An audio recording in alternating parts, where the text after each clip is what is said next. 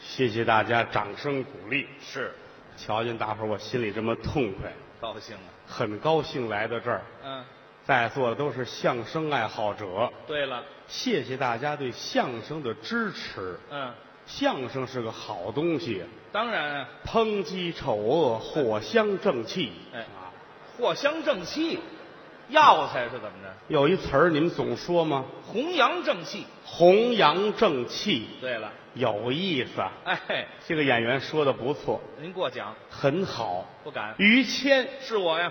是不是对对对，有老师吗？有啊。谁？呃，我们先生是石富宽。哦，你先生是石富宽，对对对，你是他太太，您不这般配，啊不般配。什么不般配呀、啊？您这怎么拎的？这是不是先生太太吗？不是我们这先生就当老师师傅那么讲？哦，啊我媳妇儿介绍我就是我先生郭德纲，呃不、跟那不一样。不一样是吧？哎好，好好的说，哎，好好的为人民服务，应该的有不懂的就问我，啊。我来教给你。您我也是愿意毁人不倦的，哎，我毁了好些个了。嚯啊那我你离您你远是点儿下一个什么下一个呀？啊？呃，您是干什么的？你不认识我呀？我不认识。啊，真的？哎呀，您您原谅，真不认识。你不看报纸吗？报纸上有吗？你买几斤报纸看看我，我看报纸不吝金是吗？啊。那哎你孤陋寡人了，哎，寡人了，你得寡了，我啊没有那么大罪过，不认识我，孤陋寡闻那就。大文学家嘛，谁呀、我， 文学家。你扫听扫听去，哪有不认识我的？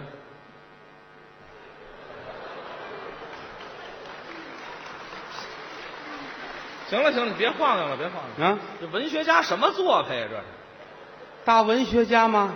没听说过，啊，没有。完了，你落后了，是啊，落伍了。不知道。我是一个大文学家呀。哦，你扫听扫听，我跟你们很多这个相声界的人都有来往。都有联系吗？哎，他们找我求个字儿什么的，一直是很那个，哎呀，我们关系很好嘛。啊，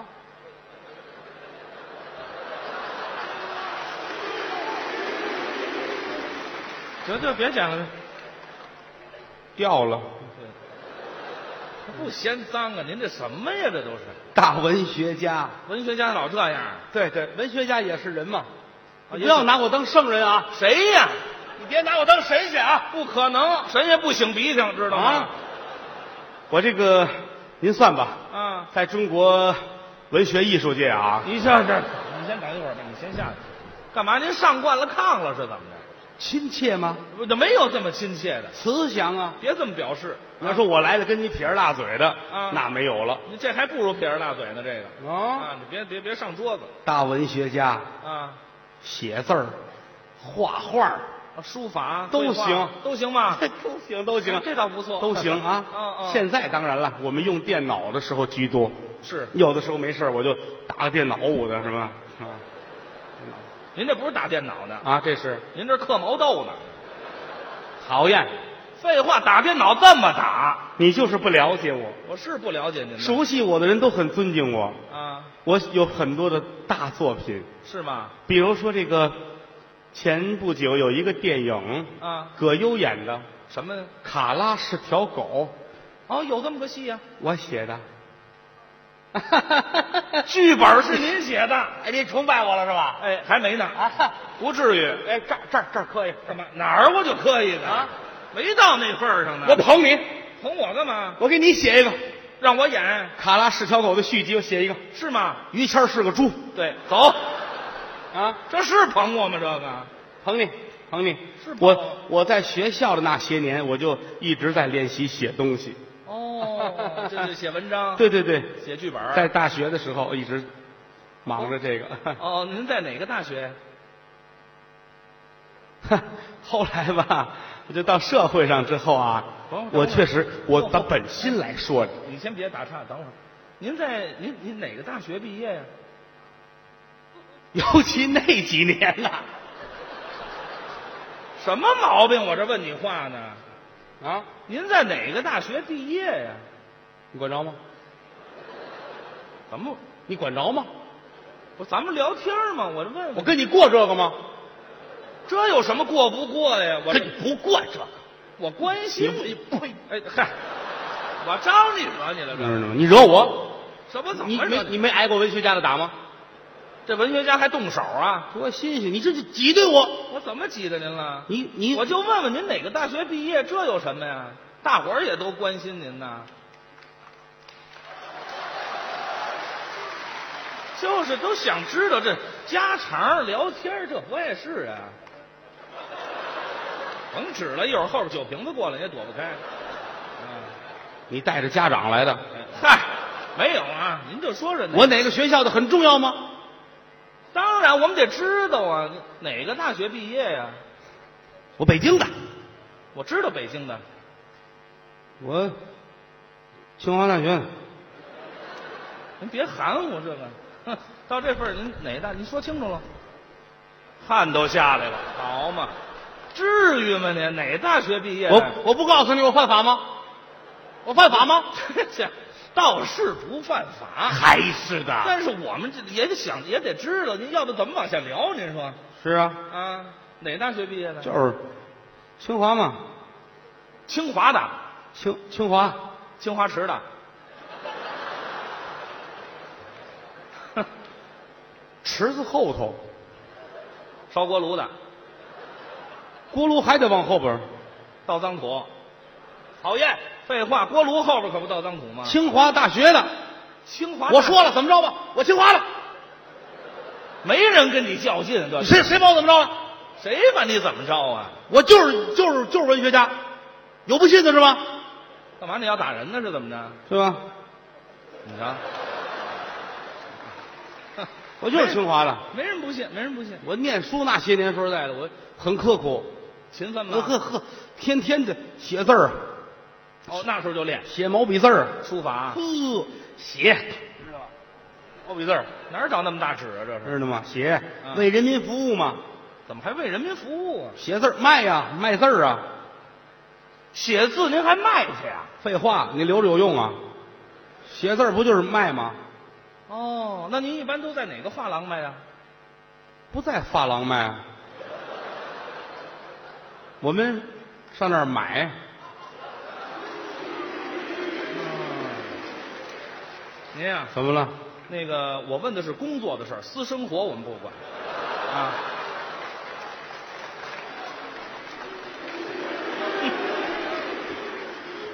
不是，我要不是打不过你们，我早翻脸了，知道这吗？嗨，您呢也别害怕，我问您哪个画廊卖字啊？画什么？谁画廊了？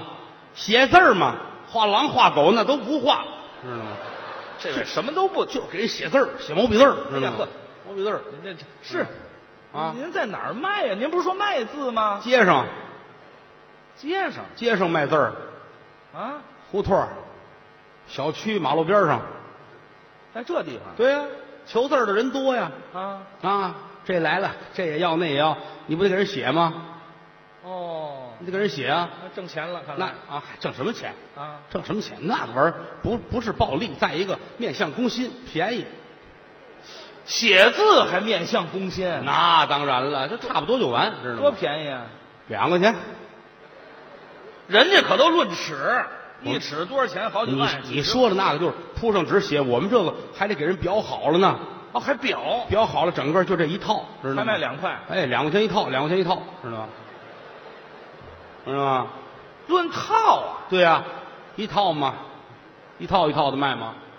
怎么写呀、您这字就是小区门口、胡同口、啊市场哪儿都行啊，是找一背风的地儿，啊，知道找一背风的地方早起，准备好了，啊，有一字台，字台字字台守着字台求字儿。哦，冬天有时候早上起来冷，字台点一炉子，对，哎，您先等会儿，嗯字台底下还点一炉子，腿冷了要不，点一炉子，知道吗？这儿都搁好了，笔墨纸砚，是哎，这边放着课本儿，一摞一摞的课本儿，哦，这边是镇纸，长的，就这么长左右啊。哎，都放好了。哦你看人求字儿要什么？是 有要课本的，有要镇纸的，不一样。不错。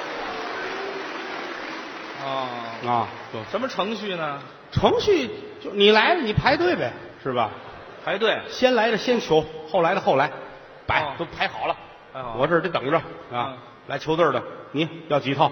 嗯一套一套等着啊！嗯，两块钱拿过来搁好了。先拿有的钱时候我们这钱我们都不拿手拿，是我们拿一夹子夹，啊， 对，您写字规矩啊。字字儿脏了，字儿就脏了。哦，先给他做纸，哎，还做纸？这做纸怎么？做呀？这纸？做面巾纸嗨，糊涂了啊！啊，面巾纸啊，面做的，金黄色的纸，知道吗？面做的，往上撒金粉，哎呦呦，金粉得多少钱啊？有那个黄金的颜色就可以，怎么办用鸡蛋和弄好了面，啊？甩出来，倒到字台上，嗯，对，就那然后声，拿那笔啊转，拿笔转呐。转完了来鸡蛋，嗯，咔，啊，哎呵，还真熟练这个。好了啊，嗯然后拿那铲儿铲一下，啊，书法家的手不能怕烫，知道吗哎，什么书法家呀？怕烫你要课本的，课本的，课本的脆啊，哦， 脆。啊好，差不多了啊，哦差不多，哎，我这毛笔拿起来了，啊，我这有几个砚台啊，砚台嗯，圆的砚台，啊，搪瓷的砚台，砚台里边儿我那墨哎，油黑锃亮的，呵，甜丝丝儿。甜的，拿拿我这笔，我这笔都扁的，哦宽的，彩笔办好了，哎嗯，这书法家当的倒容易，全画横道儿这个哎，这个撂下又拿去，要朱砂不要？啊，要朱砂少来少来，啊哎，哎一弄弄好了啊，哦，转得了，一套，走拿走，完了下一个，哎，毛笔字儿，哎，摊煎饼这叫毛笔字呢，煎饼果子知道吗？讨厌，谁告诉你的？什么？您这程序就是这个你哪懂这个去？啊？我们就是为人民服务，我们写这个，为人民服务，知道？吗？你在我们学校里边儿，啊我这个书法技术我是一流的，哦，您这个，哎，我这我这字儿又酥又脆哎，，知道吗字？？没有这么形容字的，很多人都喜欢吃我的字儿，知道吗哈？哈，吃字，你甭说国内了，嗯你哪儿都有，哪儿都有，外国也有啊，有国外的，包括港澳台的都有。呵，哎，香港，香港也有人喜欢您这个，你看看，哦，还有好这口的，香港有一个人叫金庸，金庸认识吗？写武侠小说那个，对，哎呦，那可大文豪啊！人称是武侠的圣人，对对对写的那个什么《鹿鼎记》对， 《天龙八部》哎呀对， 《金瓶梅》哎啊，哎这不不，西门大官人的故这这事这，这哪儿啊？金莲小传没有什么进来，嗯，没有，就是武侠小说前面那俩对字，在香港听说了呀，啊说北京有一了不起的大才子啊郭德纲嚯啊，说又酥又脆，啊！有浓郁的天津风格，哎呀，来吧，是打香港坐长途汽车啊到北京，啊六里桥下车，嗯倒三百路公共汽车，啊，和平门倒地铁，上我们学校就来了我这道儿真熟。啊！我们同学们都跟学校门口这儿都忙着呢，是啊都站在字台上正忙着呢。哎，对，都练字儿看。嗯，金庸一来，我们都迎上去了啊都推着字台来几套啊！哎，嚯，你再给金先生吓着。啊，金庸很高兴，啊不着急，不着急，不着急啊！是是一个个的来，一个个的来啊！啊一个个所有的同学们的作品我都要品尝啊，都要品尝。嚯，金先生嗯饭量不小。啊，讨厌，废话，一个品尝啊都。艺术品什么知道吗艺术品？您这是金仙儿来了，我们学校都很高兴啊。啊大文豪来了、嗯啊，等着吧。嗯校长接待。嗯请金先生讲话。哦，还说说说两啊句。，金先生过来了，各位，列位，嗯，在其位。嗯哪儿这么三位？今天人来的很茂盛嘛，嗯，大约有五分之八了。什么账头啊？这是？金某今天来，心情很舒畅，嗯，我很欣慰。嚯，我打算跟各位才子，嗯，咱们论一论文如何呀？哦，切磋一下。切磋一下。对校长说好，好来吧，来吧，您看哪位的都行啊。啊来，校长说：“那那你们看着办吧。”啊，我们心里没底，那是人家是金庸啊，对，咱们敢跟人家对文吗？嗯金先生说：“不要紧张，没事儿啊。嗯，捡起一块砖头来，哎蹲在地上写。哎哎，等等会儿，等会儿，起来起来起来。金先生这么大文豪，蹲地写呀、没办法，黑板都做了字牌了。嚯，写完了，嗯金仙儿一扶着，看见了吧？啊啊，春眠不觉晓，处处闻啼鸟，夜来风雨声，花落知多少。 啊，幸亏是五言诗，要嗯七言的大胯非掰了不可。嗯讨厌，讨厌， 什么啊、讨厌？有在地下写的吗？来吧，啊各位才子，对这首诗吧，啊咱们一听这个，那别闲着了，啊这会儿正是露脸的时候啊，和是不面是啊？啊大伙儿都写，整个操场上刺啦声不绝于耳。哎呀，啊全摊上了。一会儿功夫一套一套的、啊都得了。是来金先生，您嗯来尝尝这个，尝尝。是哎嗯金先生拿起来了，嗯，真吃。哎呀，这个墨都研阴了，嗯，您就说面稀了就行了啊。这个黄金搁少了。嗯哎，，对，应该摊俩鸡蛋的。嗯，嚯，怎么了？这谁搁这么些个朱砂呀？哎拿金先生当四川人了？ 啊，吃来吃去吃的我这篇文章啊，嗨，先甭提这文章了又酥又脆，啊。把金先生乐的好啊，哦，这个大才子不可多得呀，是啊。实在好事儿嗯嗯啊嗯。正说着呢，金先生身上手机响。哟，咚咚咚咚咚咚咚咚，磨剪子抢菜刀的。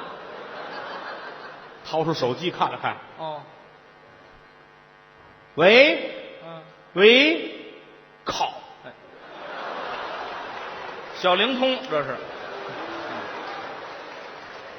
喂嗯，喂喂，哎，对，我是庸子啊，庸子喂怎么拎的？信号不好，移动电话嘛。嗯。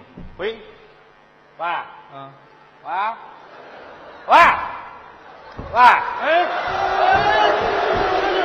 哎，喂，哎不像话。哎，好，这回听见了，好好，嗯啊嗯，再见再见再见，完了。挂电话啊啊，刚才香港特别行政区的长官打来电话，嚯，啊，这个说准备找一名了不起的人，嗯到香港九龙去做超等总理啊。嚯郭德纲先生才华横溢看上你了。啊，风味独特，嗨又酥又脆，啊。不粘牙啊，哎呀，朱砂也合适，墨也合适啊。啊啊啊让他去吧，您啊去我一听这我干不了啊。怎么了哎校长说你能去，我说这干不了，干不了这，超等总理不小了，这官儿。这也不是官儿啊，怎么了？超等总理吗？挺好。抄那铲子那儿等着，总也没人理啊。嗨，还是摊煎饼嘛？我后来我我对自己我重新的看了一遍，怎么了我？觉得我作为文学家来说，再往上升一步是很难的了。您就甭拽了。因为虽然说我这个，嗯、从文学的角度来说哈，我确实啊，但但是咱咱说句实实亮亮亮话，亮亮亮咱咱不瞒别人、啊，行了行了回来挨啐啊。行行行，撂下吧，撂下吧。啊，撂下吧。怎么厕所在后边呢，你上完了再说。我紧紧裤腰带。啊什么文学家？您这所以说我我个人来讲啊，啊我这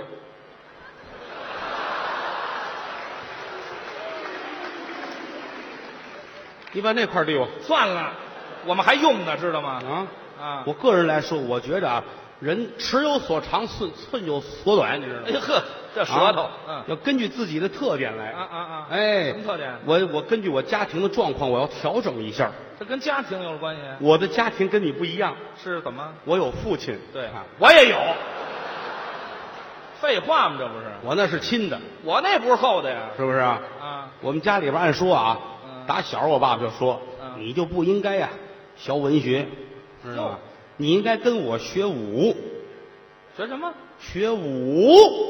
啊，练武。对呀、啊我们家是武术的世家，嚯，我父亲了不得，怎么？高来高去，啊，十八般兵刃样样精通。呵，刀枪剑戟斧钺钩叉躺棍槊棒鞭锏锤抓拐子流星，啊带尖儿的带刺儿的带轮儿的带刃儿的带绒绳儿的带锁链儿的带倒水钩的带峨眉刺儿的啊，全行啊！这好能耐呀，尤其轻功盖世。是吗？就拿咱们这海河来说啊啊，我爸爸一撩这衣裳，打这儿走，腾腾腾腾腾，嗯走到对岸，身上一个水珠都没有。有本事。冬天冻上了，嗨，那摔一跟头出溜也过去了，知道吗？有这个现象。什么现象？那叫什么能耐呀？就这个这个这个上边儿，啊我爸爸啪一跟头就上去了。上去了，哎，就这个蹬，啊噌就上去了，哎我禁得住他吗？没问题呀、是啊轻功盖世，那么高，最拿手就是配钥匙，对，嗯，最拿手配钥匙。配钥匙，啊，无论什么锁，我爸爸看看，弄根面条就能捅开。好嘛， 给他一包方便面，能出入任何一个小区，哎呀，嗨嗯，飞贼吧，整个一个知道吗？后来我啊爸说：“你练这个吧，啊，跟我学吧，啊学吧做一个大武术家哎，行行行行，别摆姿势了啊，啊，露馅儿了，这都也是也是万人敬仰的，知道吗？谁说的呀？知道吗？我说好吧，啊正好我哥哥也闲着呢，你哥哥我们哥俩都练武，全练，但是武术界有规矩，怎么？儿子要想学这个啊，爸爸可不能教，为什么？得送到外边去。干嘛呀？哎，自己人下不去手管，哦，不好管，跟说相声一样。是吗比？如说啊，啊，我是说相声的，对哎，你要想学相声，我不能教啊。你甭想，我也用不着，你知道吗？举个例子嘛，甭冲这份大辈儿，举个例子嘛，得啊送到外边找别的老师，拜师外人能狠下心来，哦，到处找吧，终于找到我的老恩师，谁呀、了不起的世外高人呐！谁呀年轻的时候是个和尚，哟，僧人江湖上尊称他嗯维米，哦，维米，哎，，维米高僧。好，老人家隐居在北京京西北悬平坡下坎儿，这个地名叫胡岭儿。您说胡岭啊，对，那个地方没出过什么世外高人呐，啊，那个地方我知道啊，竟是卖粽子的。哎，一到节庆都推车出来，江米丢，黄米丢，哎，那那枣里边都带虫子，那全是那粽子。多讨厌这模样长得啊！ 哼这样的逮着之后都先崩后问，知道吗不至于，啊，不至于，那个地儿是有卖粽子，可不是家家卖呀、反正多，我的老恩师是一个世外高人呐，真的啊、武术大家呀。哦我父亲领着我们哥俩来，一进门一瞧老爷子跟院里边儿，啊啊不怒自威，嚯、跟这儿站着，有架势，正捋叶子呢，哎，捋那个铁叶子是吧？苇叶子，马上就要包是吗？包像话吗？苇叶子干嘛呀？练武之人难免受伤，用苇叶子包扎伤口啊！拿这包伤。哎，你哪懂得这个去、哦啊？我父亲说明来意，俩孩子给您了，哦您教他们。是，老头儿很高兴，嗯，哦，好啊，嗯，世外高人都楼了，学吧，啊，学吧，嗯，呵， 干什么不吃 饭？啊，哎呀，行行出状元，是是是，早出去晚回来，啊勤勤点儿，啊，哎该换水换水，换水该蓄煤蓄煤，嗯知道吗？啊，不丢人啊是，好好干。口风怎么听怎么像嗯做买卖的，哎，这可不是嘛讨厌。啊，但是有一点啊，嗯这俩孩子要跟我学，咱们需要写下生死文约，哦，还有合同有规矩。是吗？这张纸写完了，我爸爸得签字儿。哦打这儿起，这俩孩子跟人这儿死走逃亡，各由天命。哟，老师一打，活不了了，出去杀河死了，对活该。白死。那当然了啊啊啊啊！这说买东西一出门拿车撞死了，活该呀！哎呦，我爸爸眼泪儿都快下来了。那可不是可是为了孩子前途着想，不写不行啊。对，好，老师，我答应您，写吧。写了，老师吩咐一声摆香堂，嚯，摆好了供桌，嗯什么蜡签儿啊、香炉啊都弄好了，嗯后边挂上祖师爷的神像。还有祖师爷我们有祖师爷哪位啊？屈原，对了，嗯啊，人这行合理，嗯没有屈原就没有粽子嘛，管得着吗你怎么啊？屈原呢这？管着吗？啊屈原摊上了纸啊啊，我说我来研墨，这我是行家。啊，哎对对，研得了墨，填饱了笔，老师拿着这笔哆嗦半天呢。不忍下手。笔举起来，人家孩子命在，笔要一落，这是两条人命啊！是啊，哆嗦二十分钟，把笔撂下了，怎么？别写了，为什么？我不认识字儿。废话，不认识字跟这比划半天干嘛我呀？爸爸很激动啊，啊，好好跟老师学，是，老师文武双全，哎啊，呵，还文武双全以呢后就交给你了啊！啊！我走了。说着话，站起身来，一溜火光直奔西南。哪儿来的火光啊？我把他大衣点着了。嗯哼，什么儿子这是？我们哥俩留下来跟老师这儿练武术，练武术。练武是很枯燥的，对了，他要循序渐进，慢慢来。不能一上来就练大刀。怎么？哎，那不可以，哦慢慢来，是是是，先练掌，掌法再练拳，哦哎，哎，最后才练兵刃。练家伙先练这个掌，怎么练？有一口水缸哦，缸里面都放上铁豆子，哟，哎，拿这手在里边插，这铁砂掌，多疼啊！刚练受不了。刚练不能用这个，怎么？先用江米。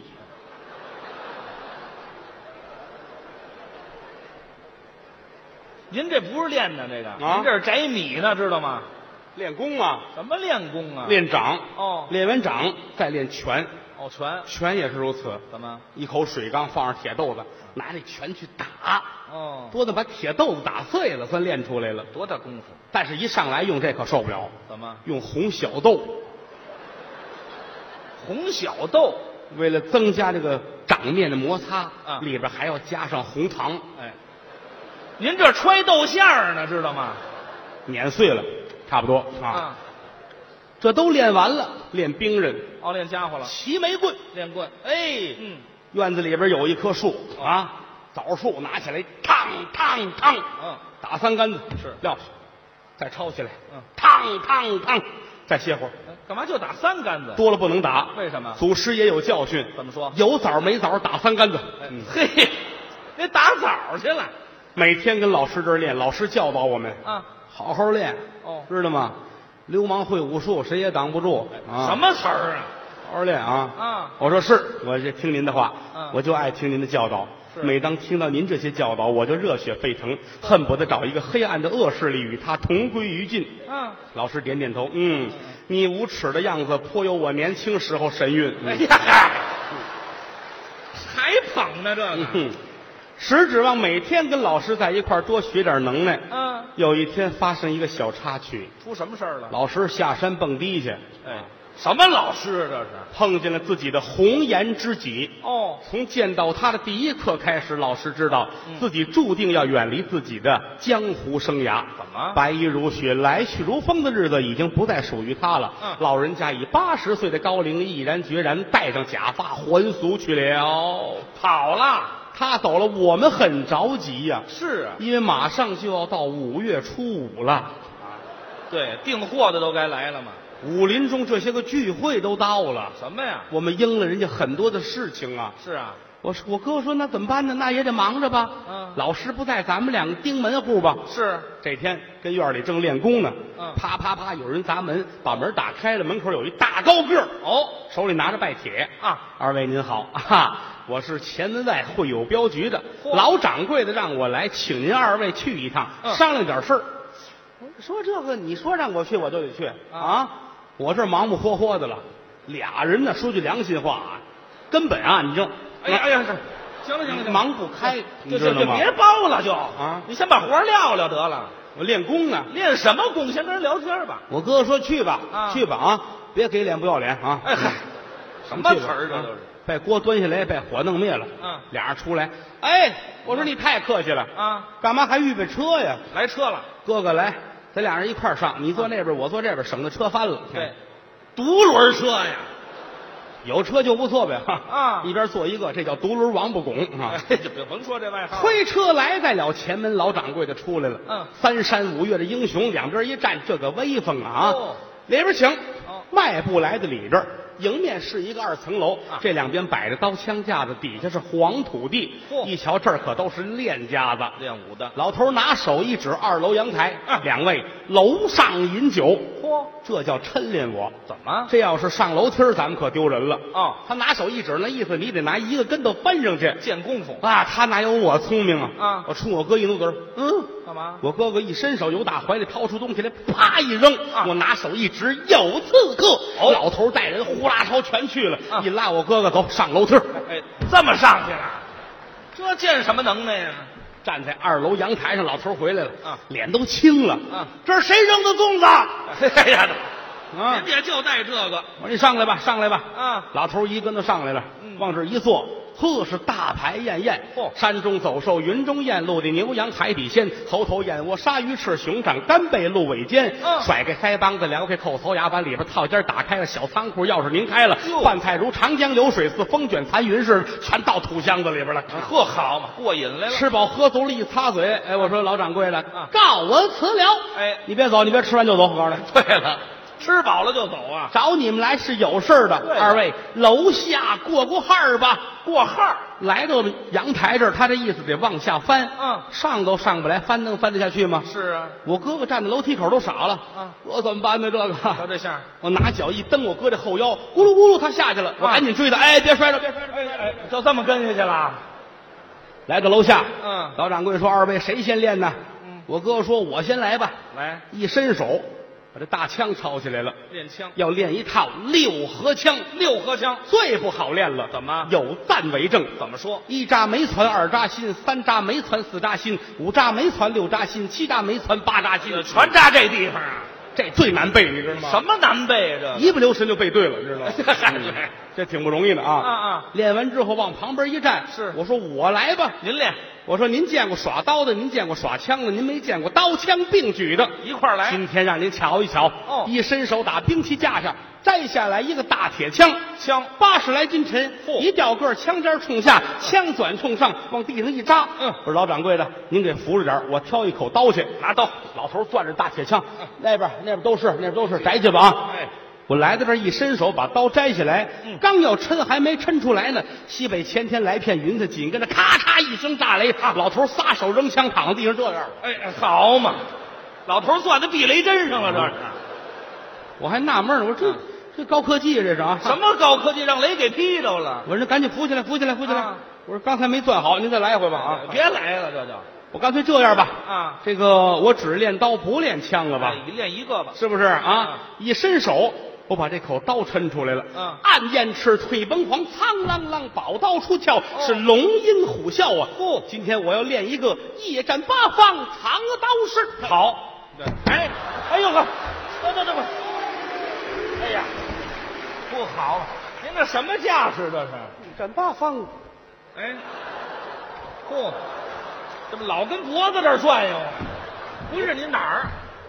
嗨，夜战你你往下，哎呀，下下我这儿干嘛来？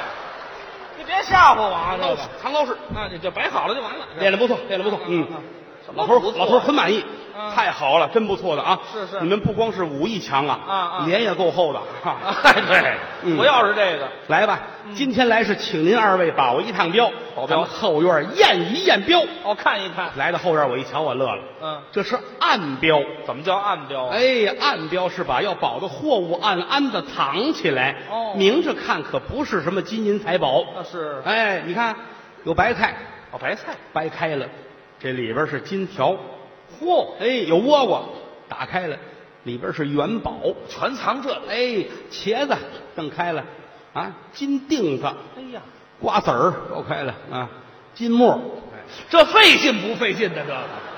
这掩人耳目，什么演人耳这功夫钱多少？这得掩人耳目啊。啊都准备齐了，我们哥俩带着人由打这儿可就出来了。哦我们走清河、沙河、昌平县、啊南口、青龙桥、康庄子、怀来县、康庄子、沙城、保安、康庄子、下花园、康庄子、张家口，就康庄住子这儿了是吗？